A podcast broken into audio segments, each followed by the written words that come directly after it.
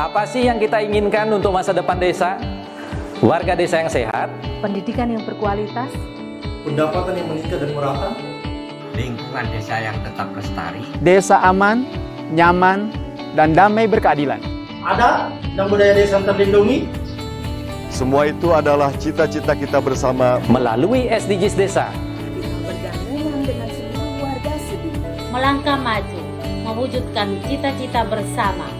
Desa-desa di Indonesia telah menapaki kemajuan. Untuk yang tetap terjaga. Fasilitas di desa semakin baik, pendidikan dasar. Akan tetap kita tidak boleh lengah, sebab masih banyak tantangan yang menghadapi. Pengangguran pemuda desa Pengangguran harus pemuda diatasi. desa harus diatasi. Penurunan kemiskinan desa, Penurunan kemiskinan harus desa harus lebih cepat lagi. Kebakaran hutan harus kebakaran hutan harus dihentikan. Kekerasan terhadap perempuan Kekerasan harus terhadap dihilangkan. Perempuan harus dihilangkan. Pekerjaan-pekerjaan yang belum usai ini. Ini harus kita tuntaskan. Jadi, mari berdiri. Mari berdiri. Mari berdiri. Mari berdiri sebaris, berjajar bergandengan tangan, melukis kuntul baris, mewujudkan cita-cita kita bersama. Dan pastikan tidak ada satupun warga desa yang tertinggal di belakang. Mari membangun Indonesia dimulai dari desa. 18 tujuan untuk mewujudkan desa yang lebih baik.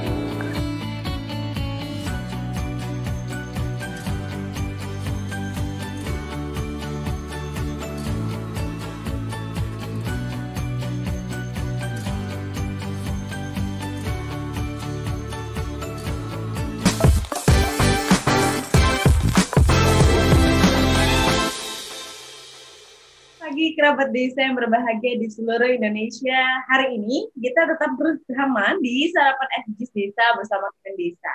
Dan hari ini saya Humaira akan memandu Sarapan SDGs Desa dari pukul 6 hingga pukul 7 waktu Indonesia Barat hari ini Jumat 29 Januari 2021. Dan hari ini bukan cukup lagi tapi ini cukup, uh, sangat menarik karena kita bicara tentang konsumsi dan produksi desa sadar lingkungan. Telah hadir bersama kami Bapak Ivanovic Agusta. Assalamualaikum Pak Ivanovic. Assalamualaikum. Terima kasih Mbak Ume, juga kerabat desa sekalian.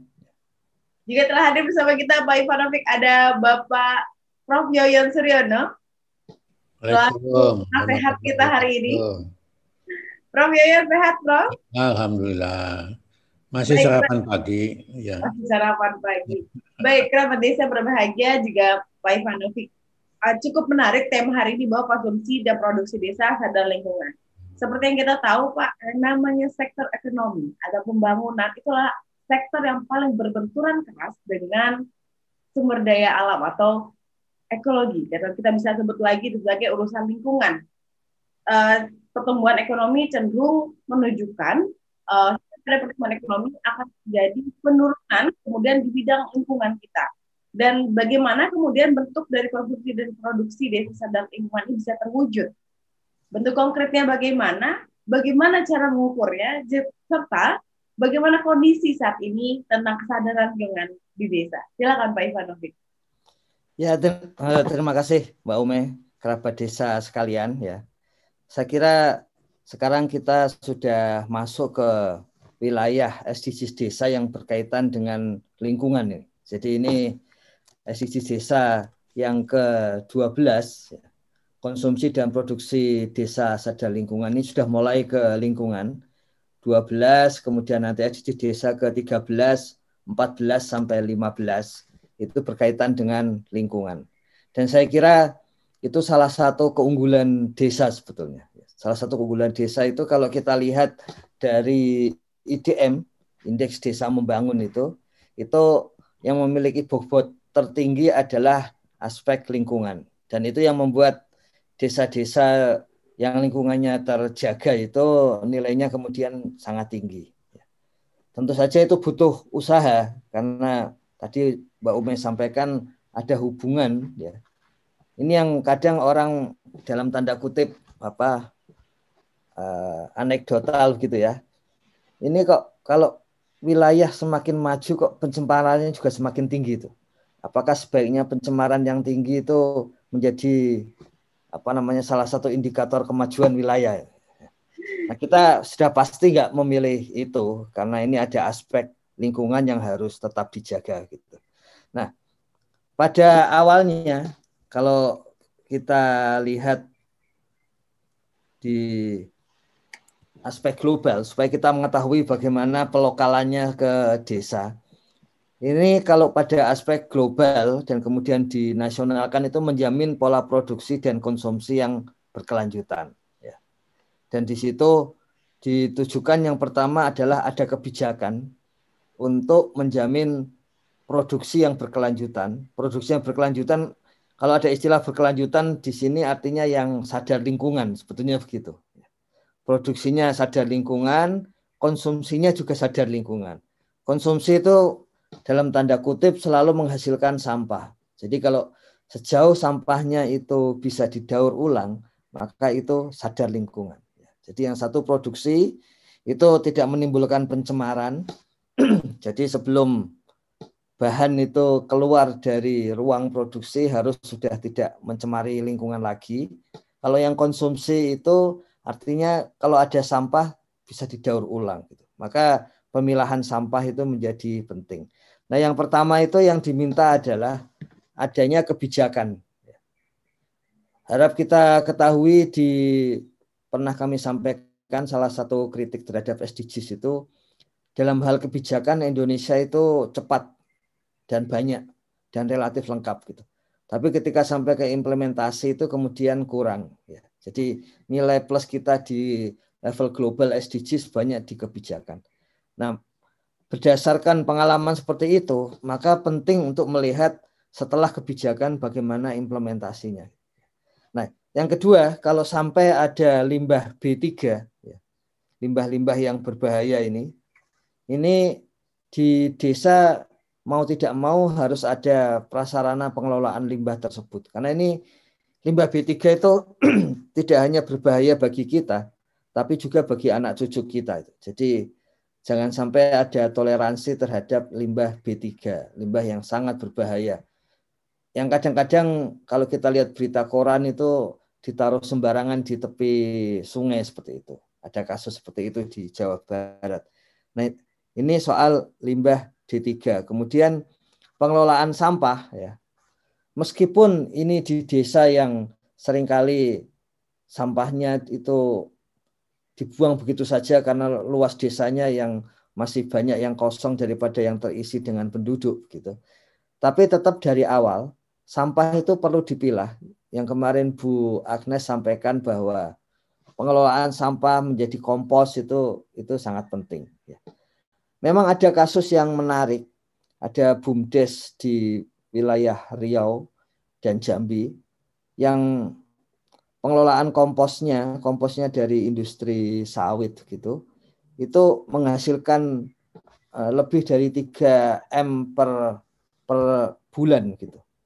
Jadi sampahnya sangat besar. Itu tentu saja kemudian jadi jadi produksi gitu. Tetapi kalaupun tidak seperti itu, tetap harus dibuat supaya sampahnya bisa dikendalikan. Kemudian kalau sampai ada sampai ada perusahaan yang masuk ke desa, itu salah satu informasi yang perlu diketahui oleh desa adalah apakah perusahaan itu memiliki ISO 14000 kalau ada perusahaan besar ya, karena kalau perusahaan kecil ya. Tapi perusahaan yang besar yang memiliki ISO 14000 itu artinya dia memang sudah memperhatikan lingkungan itu. Dan lazimnya perusahaan yang masuk ke desa kita itu itu kalau kalau mengekspor ke luar negeri itu memang harus memiliki ISO 14001. Jadi penting bagi desa untuk mengetahui apakah perusahaan terutama yang besar yang masuk itu sudah memiliki ISO 14001. Kalau perusahaan tidak memberikan informasi, maka sebetulnya desa bisa mencari itu kepada ISO-nya sendiri. Ya, karena di sana akan ada tertera apakah perusahaan itu masuk atau tidak.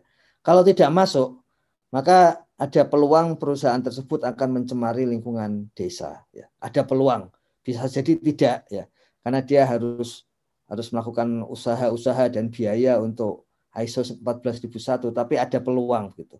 Tapi begitu dia sudah ISO maka peluang itu menjadi sangat sedikit. kita sudah belajar kemarin mengenai resiko ya. Dan salah satu menangani resiko lingkungan di desa itu kalau ada perusahaan besar dia punya ISO 14001.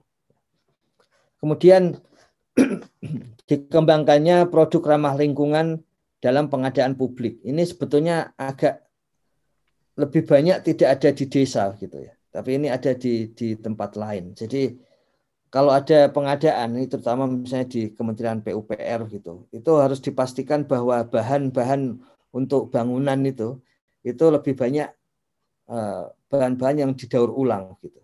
Sehingga akhirnya ketika sampai ke desa paling tidak ada dua hal utama yang perlu diperhatikan di dalam SDGs desa yaitu yang pertama supaya desa itu bisa mengembangkan atau menyusun perdes atau SKKDes tentang kegiatan ya usaha yang tidak menimbulkan pencemaran dan pengelolaan limbah serta sampah rumah tangga. Jadi ini perdes atau SKKD seperti ini akan memberikan landasan hukum bagi desa untuk baik itu memberikan penyuluhan maupun sampai memberikan sanksi pada level desa kepada pihak-pihak yang melakukan pencemaran lingkungan itu. Kemudian yang kedua, adanya unit pengolah sampah. Unit pengolah sampah ini tidak harus berupa mesin, tapi yang penting sampahnya di diolah kembali begitu ya. Jadi kalaupun dia ditimbun dengan sengaja untuk menjadikan kompos seperti itu. Jadi mungkin kalau untuk desa-desa yang masih asri seperti itu mungkin tidak satu rumah tangga atau satu keluarga membuat kompos itu, tapi lubang kompos bisa diisi rame-rame gitu. Ya seperti waktu saya masih kecil di tempat saya seperti itu misalnya. Nah, penting juga kita melihat Umi, apakah itu ada hasilnya untuk Indonesia ya. Karena pagi ini itu di Kompas halaman satu ya halaman satu di bagian kanan bawah itu edisi biasanya edisi laporan khusus feature dari para wartawan Kompas itu itu ada satu desa yang tadinya tertinggal menjadi mandiri. Ini lompatannya sangat sangat besar itu. Jadi tertinggal kemudian sekarang sudah mandiri. Dan desa itu ada di wilayah di wilayah perbatasan di wilayah Tanimbar berarti di sekitar di sini ya. Perbatasan daerah terluar dan pulaunya itu sudah pasti terpencil karena untuk ke sana itu butuh waktu kalau pakai kapal sangat lama atau pakai helikopter gitu. Tapi memang dalam kasus IDM yang sangat mengedepankan lingkungan di dalamnya itu itu memang desa-desa yang memperoleh peningkatan sangat pesat itu adalah desa-desa yang memperhatikan lingkungan gitu. Jadi memang di sini menjadi sangat penting dan ke depan itu kan pada aspek lingkungan desanya. Ke depan itu seluruh desa akan memperoleh resiko kalau memproduksi ya apakah produksinya menghasilkan pencemaran atau tidak. Kalau mengkonsumsi barang, ya, membeli barang, menggunakan barang, apakah barangnya menghasilkan sampah atau tidak. Jadi itu tantangannya ke depan. Itulah yang ada pada SDGs Desa nomor 12 kali ini, yaitu produksi dan konsumsi yang sadar lingkungan. Kita lihat tadi kalau di level global ya itu sebetulnya produksi dan konsumsi yang berkelanjutan. Ya. Di level nasional juga sama, konsumsi dan produksi yang berkelanjutan. Nah berkelanjutan ini kemudian di, dilihat di dalam indikatornya, sebetulnya artinya itu sadar lingkungan, sadar terhadap lingkungannya. Itulah sebabnya Gus Menteri menyampaikan bahwa kita buat dengan cara yang mudah tapi langsung kelihatan apa yang diinginkan. Makanya kemudian namanya tidak lagi yang berkelanjutan tapi sadar lingkungan. Jadi konsumsi dan produksi desa sadar lingkungan. Ya. Kiranya seperti itu, Ume. Sangat ringkas karena memang ini hal-hal yang sebetulnya mudah dilakukan di desa. Dan kita yakin ini kalau istilah Pak Slamet ini ya ini bonus salah satu bonus karena sudah dijalankan di desa ya. Nilai-nilai yang tinggi mungkin akan muncul di desa dari aspek lingkungan. Baik, Gitu Ume, kerabat desa Cukup menarik. Pak Ivan kalau misalnya ini uh, mungkin saya setuju dengan bahwa desa cukup mudah melakukan ini karena mereka cukup terukur dalam uh, kesadaran lingkungan ya mereka tinggal di situ dan kemudian mereka juga uh, melakukan pengolahan di situ mencari nafkah di situ sumber daya manusia dan sumber daya makanannya uh, ada di sumber daya alam tersempat, uh, setempat. Namun yang menarik Pak Ivan bahwa banyak juga desa di Indonesia kemudian menjadi pusat-pusat industri atau desa-desa yang kemudian menjadi pusat-pusat pariwisata. Biasanya desa-desa seperti ini memiliki kadar atau um, konsumsi yang tidak tidak dapat di tidak dapat dikendalikan karena banyaknya asing masuk, banyaknya turis masuk sehingga uh, kemudian banyak sampah. Seperti yang kita tahu banyak turis masuk kemudian juga menghasilkan banyak sampah. Nah hal seperti ini banyak juga terjadi di desa-desa pariwisata misalnya. Hmm. Lalu kalau kita bilang desa ini sadar lingkungan, mungkin desa sadar lingkungan. Tapi orang-orang yang hadir ke desa dengan menghasilkan sampah itu tidak sadar lingkungan. Itu bagaimana Pak? Iya, jadi memang ada masalah-masalah demikian. Makanya kita sudah mulai dari sekarang, Ume. Jadi tadi di awal eh, Mbak Ume juga menyampaikan bahwa semakin maju kok semakin banyak pencemaran gitu. Di desa dari dulu kalau ada apa industri tapioka itu ya, itu juga sering kali muncul masalah pencemaran dari awal dan itu sudah langsung kelihatan ya. Airnya ber- berbau kemudian punya rasa begitu kan. Jadi memang ini harus dimulai dari sekarang Umi. Dan itu sebetulnya sederhana ya. Sederhana karena desa-desa yang sudah berhasil mengelola sampah itu ya. Itu kalau di KLHK itu bahkan mereka memiliki kriteria untuk desa-desa tersebut sehingga memperoleh penghargaan-penghargaan untuk kebersihan itu. Ya sebetulnya dimulai dari seperti itu. Yang berat itu adalah kalau ada industri besar masuk. Misalnya desa-desa di pertambangan itu memperoleh tantangan yang sangat berat dan itu harus bekerja sama dengan pihak di atas desa. Ya. Kementerian Desa sendiri tahun 2021 akan ikut menangani desa-desa yang seperti itu, Ume. Jadi desa-desa lingkar tambang, desa-desa yang ada di lingkar industri itu akan langsung ditangani juga bersama Kementerian Desa, terutama untuk wilayah-wilayah yang kewenangannya di luar kewenangan desa, yang membutuhkan kewenangan dari atas untuk melakukan hal itu. Termasuk aspek-aspek lingkungan yang lain, mangrove yang kemudian rusak karena harus dipakai untuk dermaga dan sebagainya itu uh, untuk 2021 Kementerian Desa akan ikut serta menyelesaikan sampai ke bawah. Jadi kemarin disampaikan oleh Prof Yoyon dan kemudian Bu Agnes bahwa ketika kita masuk sampai di sini itu apa namanya luasnya pembahasan itu kalau sudah sampai ke level industri kemudian pertambangan itu memang sudah melebihi luasnya desa itu. Makanya keputusan-keputusan kebijakan dari atas desa itu menjadi penting. Bahkan Pak Edot menyampaikan waktu itu dalam hal lingkungan itu ya harus milih kebijakannya. Ya.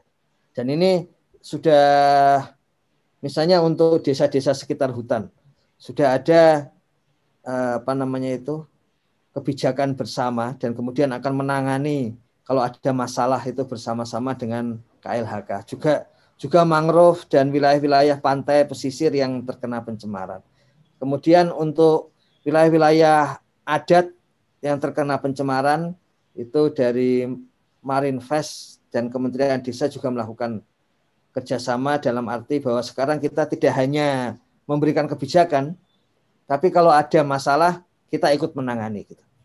Termasuk aspek-aspek soal uh, lahan, tapi yang berkaitan dengan belum berkaitan dengan agraria ya, belum berkaitan dengan Kementerian Agraria karena itu belum apa namanya masih dalam proses saat ini.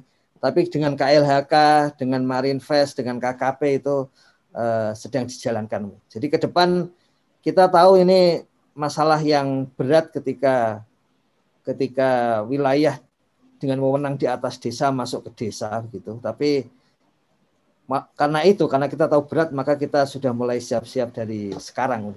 Seperti itu. Pak Ivan, apakah uh, Kementerian Desa sendiri punya data desa-desa yang bersinggungan langsung dengan uh, area tambang? Karena kita tahu pertambangan kemudian memunculkan limbah-limbah uh, tertentu yang cenderung uh, berbahaya. Ya, Kementerian Desa punya data awal dan dalam pendataan atau pemutakhiran SDG desa ini kita akan memiliki tidak hanya wilayah sekitar pertambangan, tetapi sampai ke akibat-akibatnya. Ya. Kementerian Desa sudah mencatat misalnya ada satu desa di areal pertambangan itu yang bahkan ditukar gulingkan ya, dengan wilayah lain. Jadi desa itu ada kodenya juga masih ada, tapi kalau kita ke sana sudah nggak ada desanya. Ya. Dan kita juga mencatat perkembangan dari desa tersebut ada di Balangan, Kalimantan Selatan itu. Itu yang perkembangannya kita catat, Ume. Jadi sekarang di Kementerian Desa itu ada foto-fotonya dari awal sampai sekarang bagaimana perusahaan tambang itu membuat uh, sekolah dan sebagainya begitu.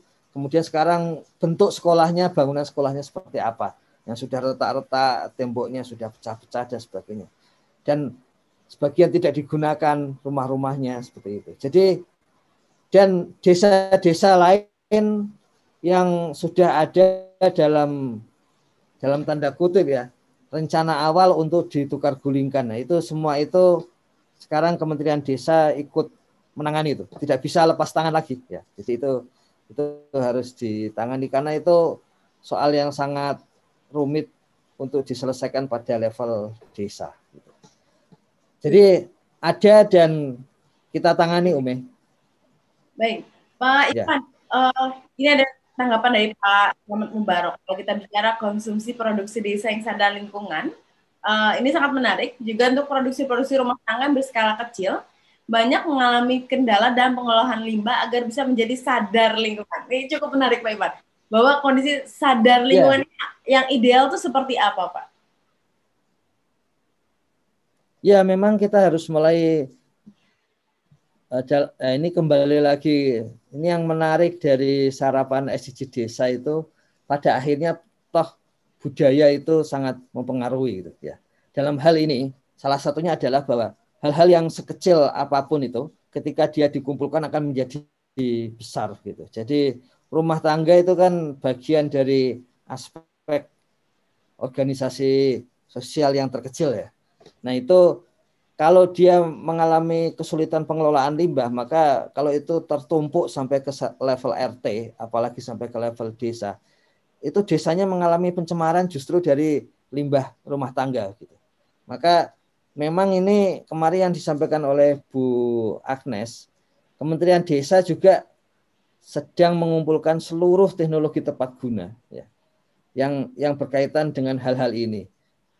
Eh, dua minggu lagi akan dengan dua puluhan universitas dan kita akan mencoba membuat apa ya semacam webinar yang sangat luas untuk langsung menarik semua teknologi tepat guna yang ada di lembaga penelitian maupun yang ada di di perguruan tinggi dan langsung menawarkan ke desa-desa yang memang di dalam indikator SDG desa itu belum sadar lingkungan, belum masuk kategori dalam tanda kutip sadar lingkungan tadi itu.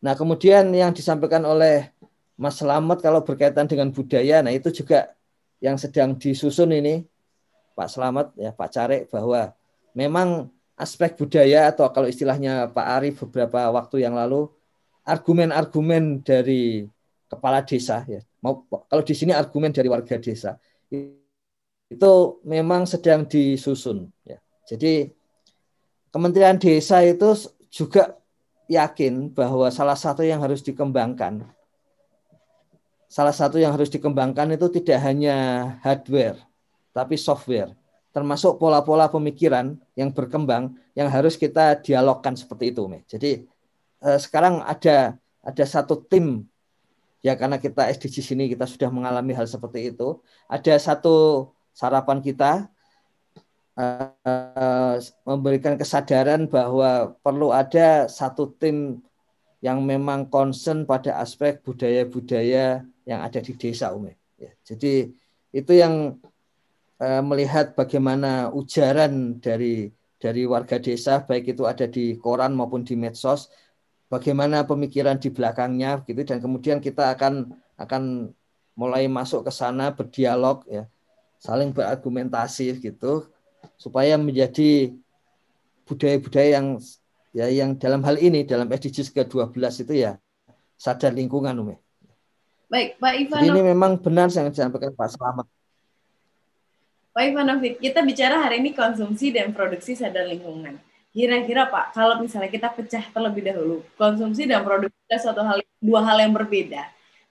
Lalu bagaimana bentuk sebenarnya konsumsi sadar lingkungan ini Pak? Mungkin konsumsi kan karena konsumsi ini bicara mungkin tentang personal atau pribadi kami kita yang ada di desa bagaimana seharusnya konsumsi kita yang sadar lingkungan karena bisa jadi konsumsi ini diikut dihitung dari uh, individu bukan hanya dari rumah tangga seperti itu.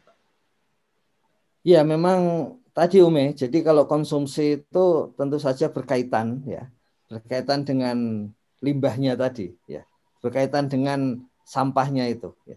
Jadi memilih memilih menggunakan barang atau menggunakan jasa ya, misalnya ada orang ingin membantu kita gitu. Itu kita lihat pada aspek nanti sampahnya akan seperti apa gitu. Dan memang yang paling mungkin ya harus sampah-sampah yang bisa didaur ulang itu Ume ya. Jadi yang bisa sampah-sampah kalau istilah kita sekarang kan organik bisa didaur ulang. Itu yang harus ditangani oleh oleh desa sudah pasti itu. Nah, yang anorganik yang memang tidak mungkin itu kecuali desa punya punya alat pengolahan sampah itu kan. Nah itu ditangani oleh pihak di atas desa. Pak Edot kemarin menyampaikan kalau kita punya insinerator ya itu alat pengolah sampah yang kemudian sampah yang yang bukan sampah yang sangat berbahaya ya tapi sampah-sampah plastik dan sebagainya bisa diolah ulang ya. Nah itu sih bagus. Sebetulnya kalau melihat harganya harganya sekitar 500-an juta itu itu berarti kerjasama antar desa sebetulnya memungkinkan. Kalau sampai ada desa-desa mengalami kesulitan dalam pengelolaan sampah begitu, membeli bersama insinerator di, dikembangkan oleh bumdes bersama di level kecamatan itu sebetulnya saat ini masuk akal dari sisi dari sisi eh, apa namanya itu biaya ya. Bahkan nah tinggal kita melihat SDM-nya karena mengolah itu kan apa harus harus teratur. Kalau enggak nanti SDM desa yang jadi kena dengan dengan efek sampah itu. Gitu. Jadi itu untuk konsumsi yang penting itu Ume. Jadi kita mengetahui bahwa ada aspek-aspek yang bisa didaur ulang sampahnya itu. Nah itu yang dikelola desa. Begitu tidak didaur ulang itu harus harus bisa keluar dari desa Ume.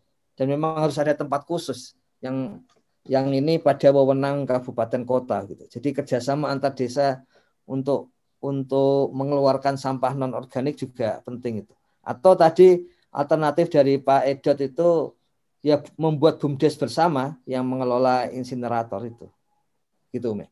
Baik, Pak Ivan, kita ke Pak Slamet Mubarak. Pak Slamet telah ada bersama kita di sini. Pak Slamet, saya ingin bertanya, Pak Slamet uh, berada di desa, kemudian bila melihat atau mendengar konsumsi dan produksi desa sadar lingkungan, uh, apa yang terlintas di pikiran Pak Slamet?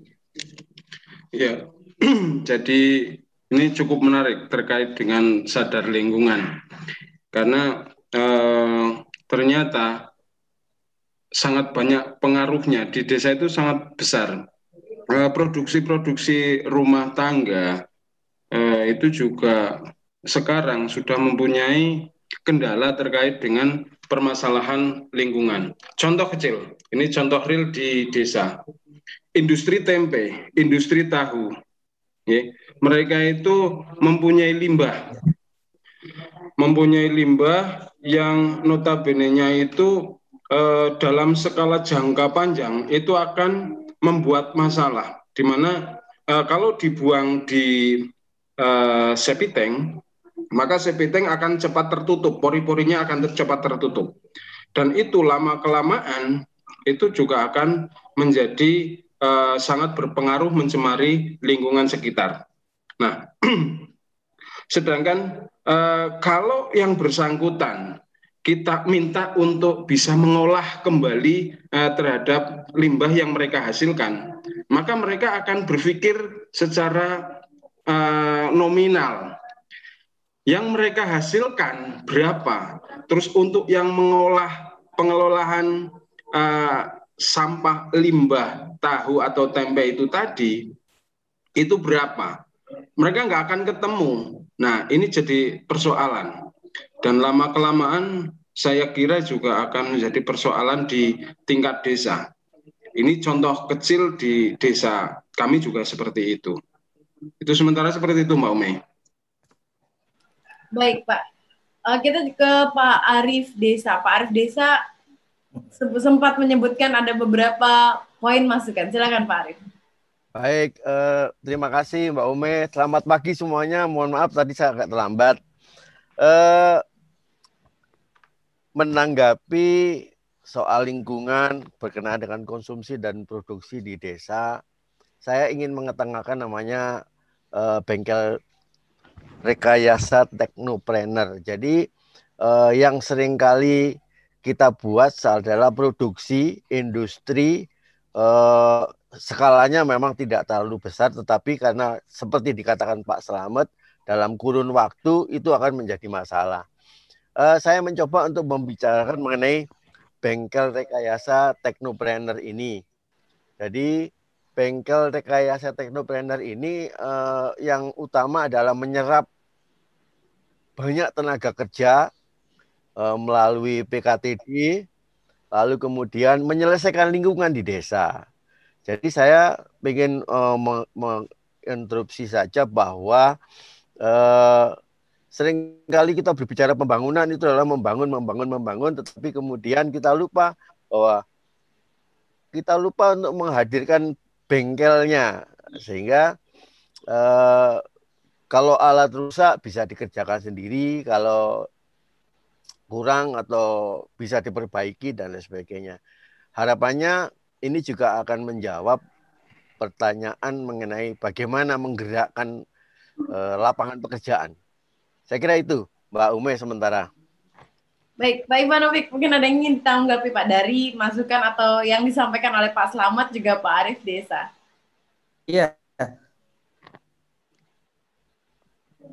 Benar seperti memang memang sudah tidak zaman kita membiar memang harus ditangani betul-betul. ya, sorry ini internetnya biasa ini hujan deras. Jadi apa namanya itu? Misalnya tadi limbah limbah tempe dan tahu. Saya kira jadi penting juga untuk untuk Kementerian Desa itu um, mengetahui limbah apa saja yang dirasakan menjadi masalah di desa. Karena sebetulnya di tempat lain itu justru limbah tempe tahu itu tadi ada yang diolah difermentasi menjadi biogas di pupuk cair itu.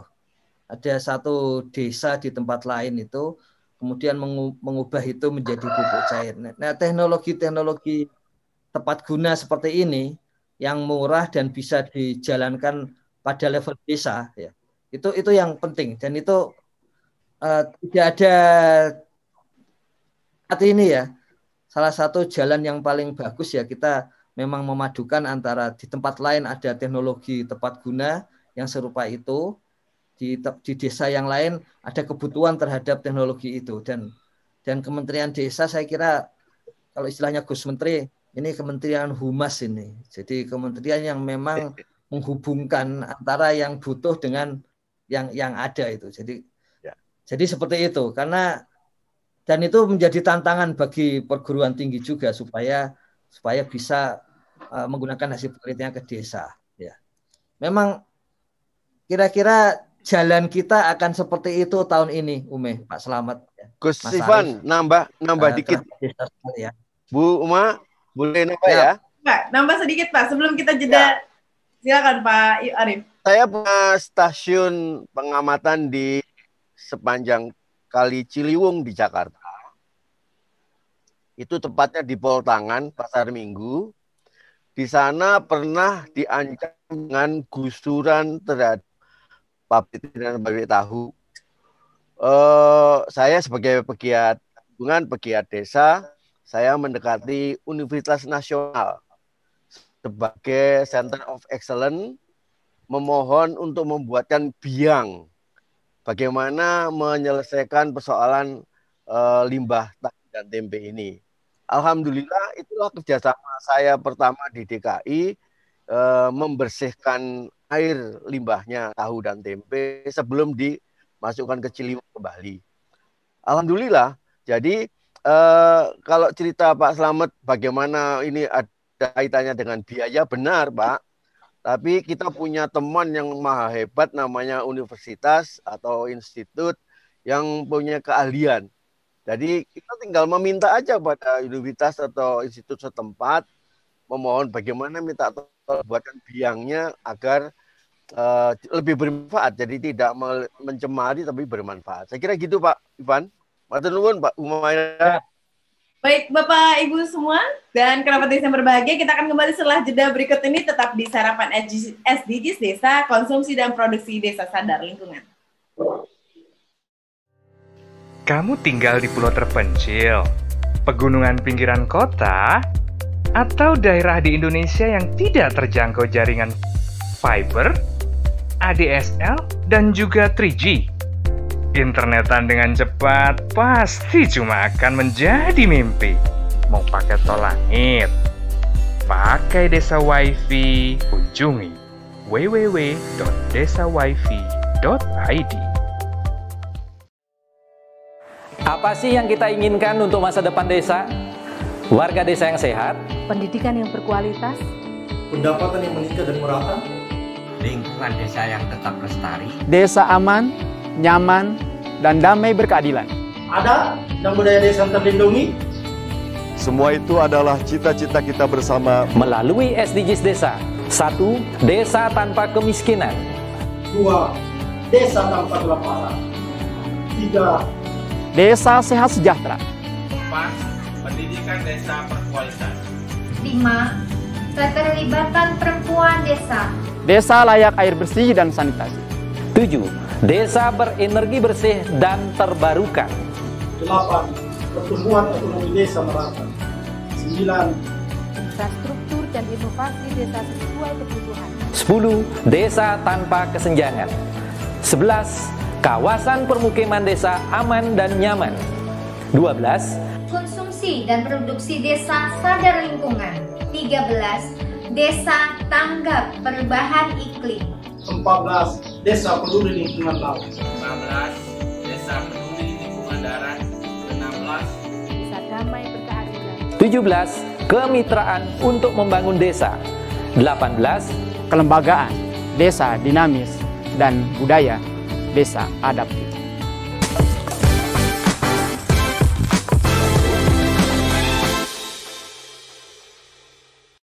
Desa Vision Desa Vision memberikan pilihan tayangan edukasi dan inspirasi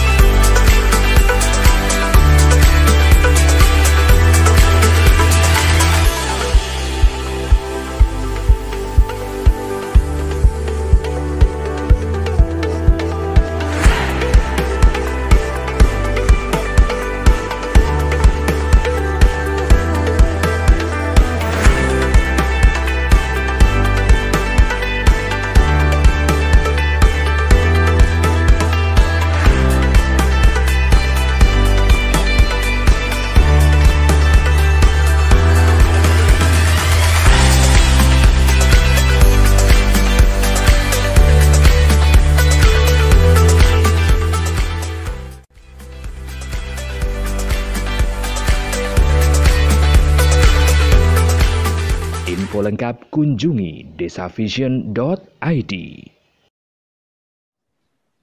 Ya kerabat desa yang berbahagia di seluruh Indonesia dan kembali lagi bersama saya Humaira ada di Sarapan SJS Desa bersama Kemen Desa dan hari ini kita bicara tentang konsumsi dan produksi desa sadar lingkungan. Pembahasan hari ini cukup luas karena kita mulai bicara dari adanya perusahaan yang tambang misalnya yang masuk ke desa dan menyumbulkan limbah juga sampai limbah rumah tangga sendiri yang dihasilkan oleh masyarakat desa yang tidak mampu kita kelola dengan baik. Nah, Pak Ivanovic, uh, Pak Surya Koca memberikan uh, tanggapan bahwa bagaimana bila limbah itu kemudian menjadi uh, berkah gitu ya. Dari sampah menjadi berkah. Beberapa BUMDes uh, di Indonesia sendiri di desa-desa ada yang telah berhasil mengubah sampah menjadi berkah ini, Pak. Misalnya contohnya di desa salah satu desa yang saya tahu adalah Desa Panggung Harjo.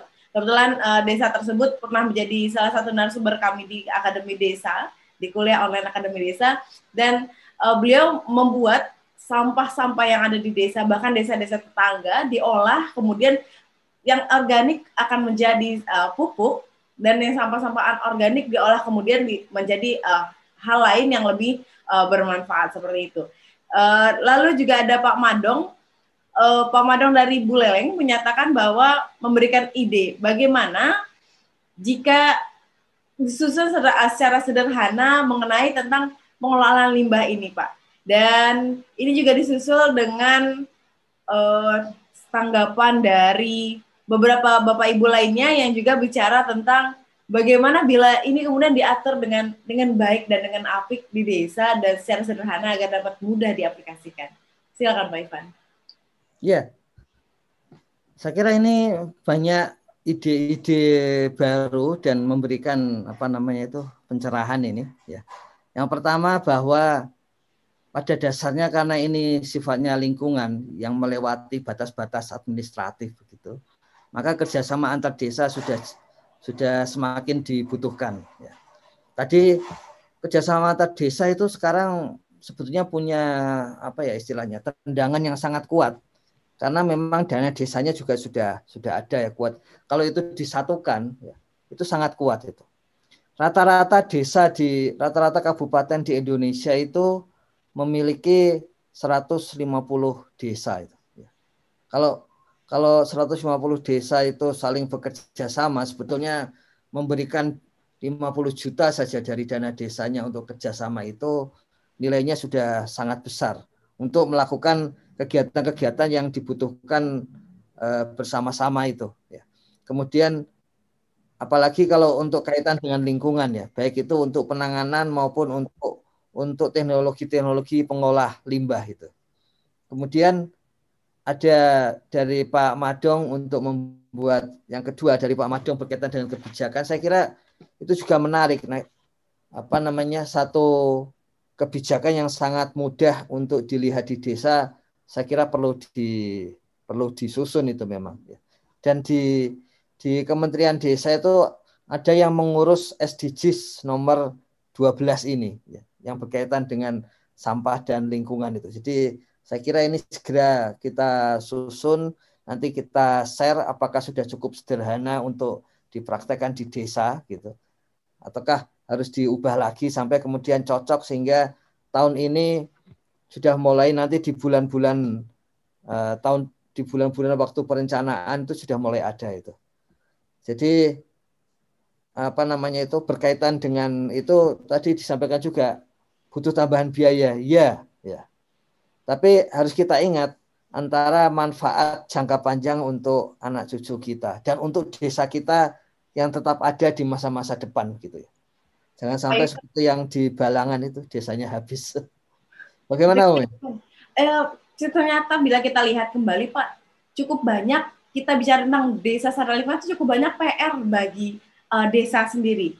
Misalnya uh, cukup sederhana, ada desa yang uh, bagaimana bisa jadi sadar lingkungan bila kandang ternak itu kemudian terletak di rumah dekat dengan sumber air minum atau sumber dekat uh, septic tank sehingga model sadar lingkungan ini uh, berbenturan dengan budaya yang ada.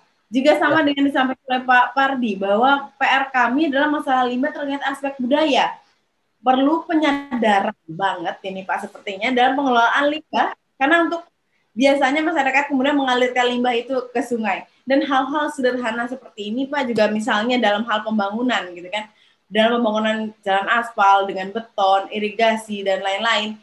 Uh, itu kan membuat blocking atau misalnya dengan adanya semen kemudian air tidak akan mengalir, tidak akan menyerap ke tanah, kemudian tidak akan mengalir dengan baik.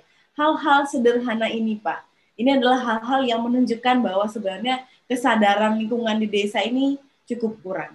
Dan apa yang bisa kita lakukan kemudian? Pak Ivanovic?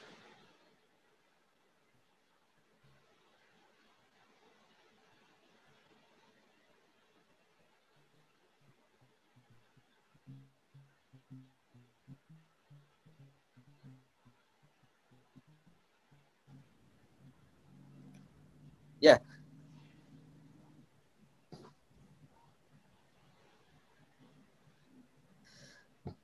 Saya kira ya dan budaya itu tentu saja sangat membutuhkan uh, ke, apa tim yang ada di dalam desa itu sendiri, yaitu terutama berkaitan dengan para tokoh-tokoh masyarakat yang ada di desa, baik itu tokoh formal maupun tokoh tokoh informal gitu.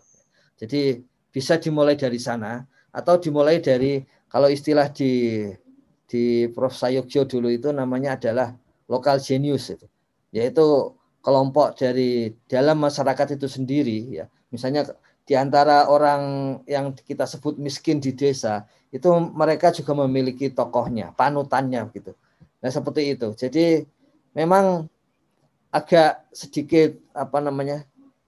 agak sedikit semacam dari atas ya tapi yang namanya konsumsi itu kadang-kadang memang persoalannya adalah lifestyle gitu. Jadi karena itu kemudian ada kaitannya dengan cara hidup maksudnya ya.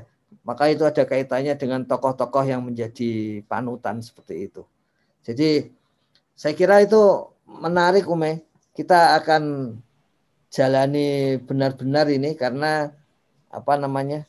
buat saya kira yang penting buat kita itu bahwa jalan keluarnya itu ada. Maka kita tempuh itu. Kalau sudah jalan keluarnya nggak ada ini kan memupus optimisme ini. Ini selama ini kan ada masalah tapi ada jalan keluarnya. Mas Madong menyampaikan perlunya semacam apa namanya evaluasi AMDAL dulu, ya kan? Itu sebetulnya sudah ada di dalam peraturan Menteri Dalam Negeri, tapi saya kira di sini menjadi penting bagaimana cara mengimplementasikannya di desa itu sehingga itu bisa terlaksana gitu. Kemudian bank sampah ya. Saya kira itu sudah sudah jadi hal yang mulai lumrah di desa-desa itu. Tapi yang paling penting adalah bagaimana cara memulai awalnya itu sehingga bank sampah bisa berhasil itu. Yang tadi disampaikan oleh Ume kemudian yang ada di di Jambi itu kan yang sudah berhasil. Tapi pas awalnya pas ketika kalau istilah dari almarhum Ciputra itu dari nol ke satu itu memulainya itu ya. nah itu saya kira titik kritis itu uh, menjadi penting juga untuk kita lihat gitu ya. Dan itu akan masuk di dalam berbagai uh, kebijakan di Kementerian Desa. Karena pengetahuan-pengetahuan seperti itu yang intinya dibutuhkan oleh desa ya berarti harus disediakan. Tidak ada cara lain Kiranya begitu Ume, kerabat desa sekalian. Ini sangat banyak ide ini hari ini ya. Jadi karena hari ini kita maka, suguhkan ide-ide dari desa iya, ya. Kita kita siapkan itu. Saya kira masukannya sangat sangat mencerahkan ini buat kami sendiri. Nanti kita langsung bereskan sebagian mulai hari ini. Baik kita ke Prof Yayan Suryono. Prof Yayan. Ya, Assalamualaikum. Ya. Ya, itu kan apa ya sunatullah ya atau alamiah gitu. Energi sama limbah itu kan kakak adik. Ada energi ternyata di anunya menjadi limbah gitu ya. Nah limbah juga sebetulnya kan sebetulnya kan e, bisa menjadi energi ya, tapi belum diketahui cara-caranya. Ya. ya limbah yang bisa menjadi biogas kan ada, yang menjadi pupuk ada dan sebagainya sebenarnya. Eh, kita tidak bisa menghilangkan limbah karena limbah itu bagian dari sisa-sisa energi tadi itu. Ya. Yang perlu dilakukan adalah mengolahnya. Nah, mengolahnya itu kan berkait dengan teknologi. Nah, teknologinya bisa teknologi tepat guna, menengah tinggi dan sebagainya. Ya, yang paling terasa itu kan di mana-mana kan sampah. Ya, ya, yang disalahkan tuh jangan sampahnya, yang disalahkan tuh yang memproduksi sampahnya. Ya, ya kita kita ini sebetulnya. Mengapa begitu? Mengapa begitu? Dasarnya itu kan karena kita ini kan senang mengeksploitasi alam. Ya ya mengeksploitasi alam dalam berbagai tingkatan. Nah kalau itu kemudian ya tadi antara energi dan limbah itu selalu ada. Nah tadi Pak Mas Arif saya kira betul itu proses pengolahannya itu yang harus kita lakukan. Ya baik sampah B3, B, B, B, B3 dan sebagainya itu kan pengolahannya. Nah oleh karena itu sebetulnya eh, nanti masuk ke persoalan lain, gimana pengolahan di badan sebagainya itu juga yang ramah lingkungan Ah, kembali lagi ke situ dan sebagainya. Oleh karena itu, uh, kalau saya bicara itu ya tentu saya bicara sebagai orang, seorang pendidik ya uh, kesadaran. Ya, kesadaran itu bukan orang desa yang dia harus disadarkan bukan. Ya, dulu ada kewajiban untuk uh, studi AMLA, ya, dampak lingkungan. Ternyata kan uh, uh, sedikit demi sedikit kan itu Eh, bisa jadi hilang itu kalau di dalam apa namanya undang-undang apa itu anu ya uh, cipta kerja itu kan menjadi berkurang dan lain amdal itu. Nah di situ ada kemungkinan juga apa namanya ada potensi ya ya uh, persoalan-persoalan lingkungan menjadi bermasalah. Ya. Yang kedua banyak hal yang kita lakukan dalam konteks pembangunan itu selain sisi andalnya tadi itu ya yang lebih berbahaya lagi kan sisi pembangunan itu kan sisi eksploitasi alam tadi itu dalam skala kecil, besar, menengah dan sebagainya dan sebagainya. Gitu. Nah, saya melihat bahwa teknologi sampah itu sudah banyak kali, ya sudah berkali-kali dilakukan. Nah, oleh karena itu kembali ke persoalan semula antara konsumsi dan uh, produksi tadi itu, ya itu saya kira menjadi masalah penting dalam konteks menyadarkan bagaimana konsumsi yang aman dan bagaimana produksi yang aman. Saya melihat di Tangerang Selatan eh, eh, limbah sapi misalnya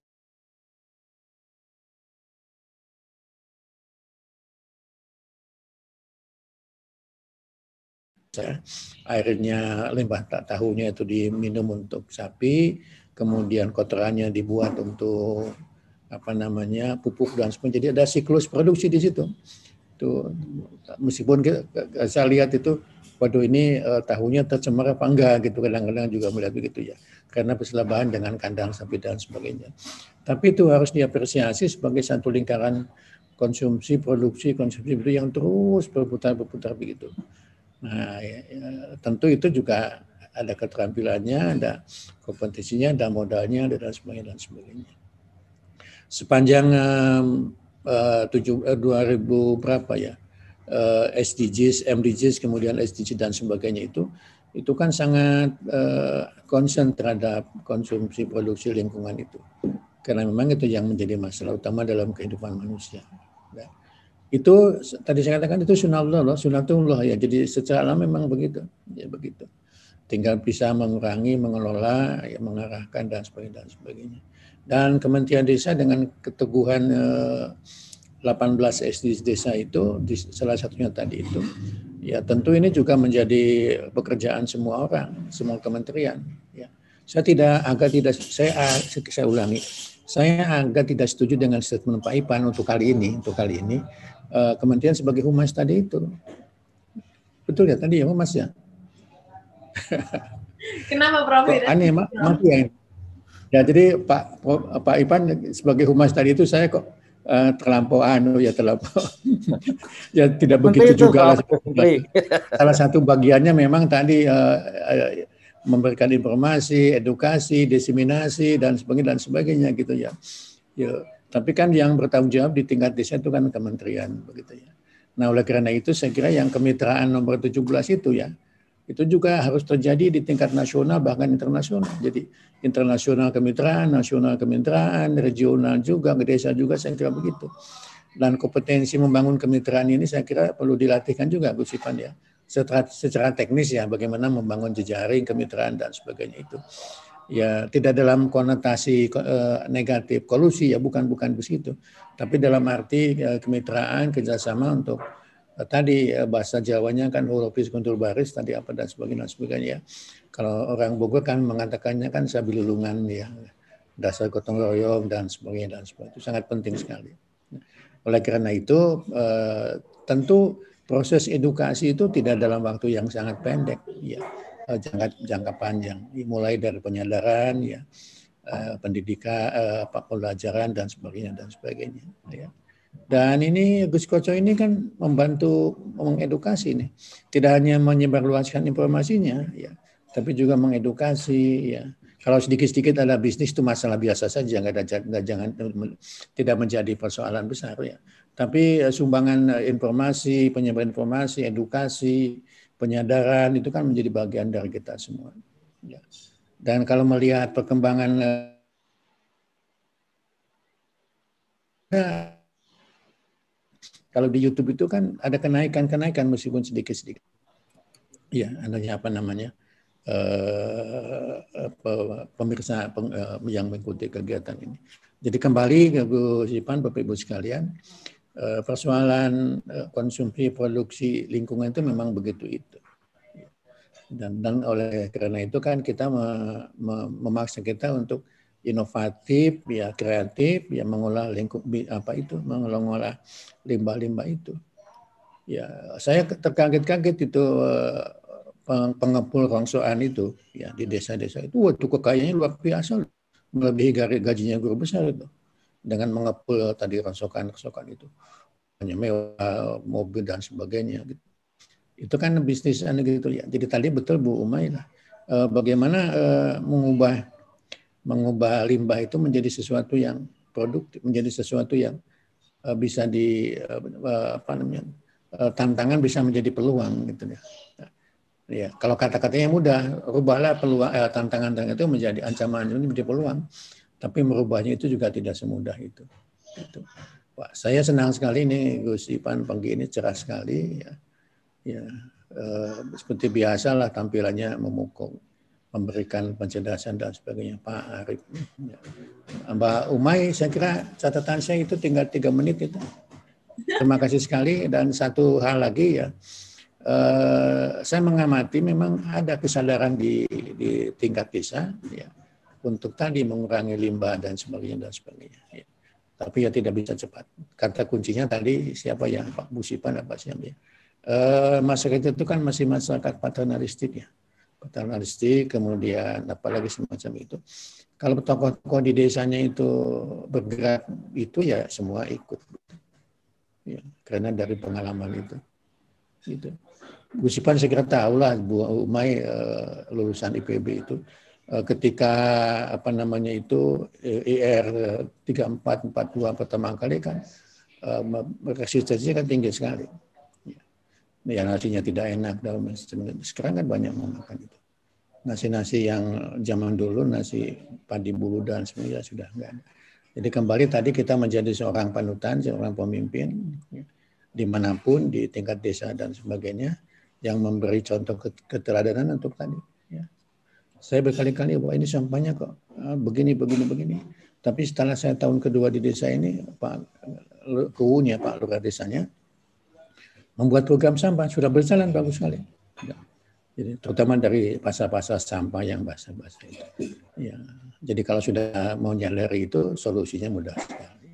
Ya. Mengetan Bapak Ibu, terima kasih Bapak Ibu semua, Mbak Umay, Pak Koco, Mas Arif, ya. lebih-lebih uh, Pak Kapus Datin itu tadi ya. Dan saya setuju dengan Pak Koco tadi.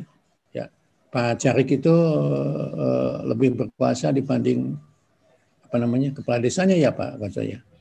Tapi saya itu saya tidak ingin menganalogikan bahwa uh, tadi staf staf khusus kepala pusat itu itu memang bagian-bagian uh, uh, yang suportif terhadap uh, kementerian ya. ya. ya jadi begitu. Pak Ipan ini laporan cuaca, boleh melaporkan cuaca.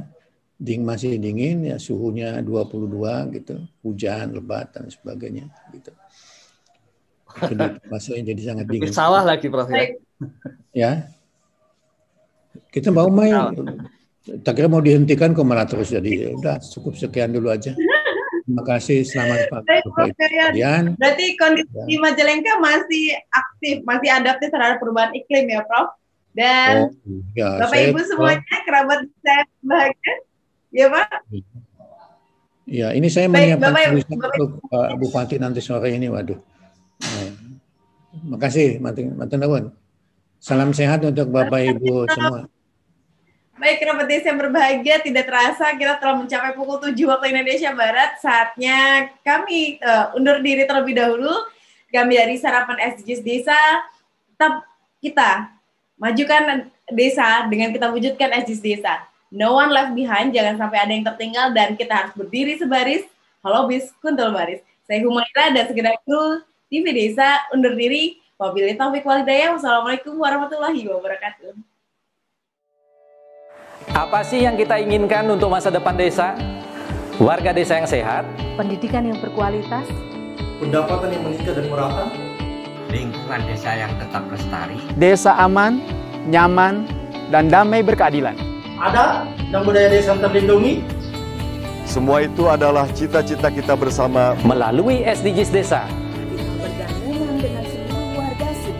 Melangkah maju, mewujudkan cita-cita bersama Desa-desa di Indonesia telah menapaki kemajuan. Butuh kebayaan yang tetap terjaga. Fasilitas di desa semakin baik, pendidikan dasar mencukupi. Akan tetap kita tidak boleh lengah.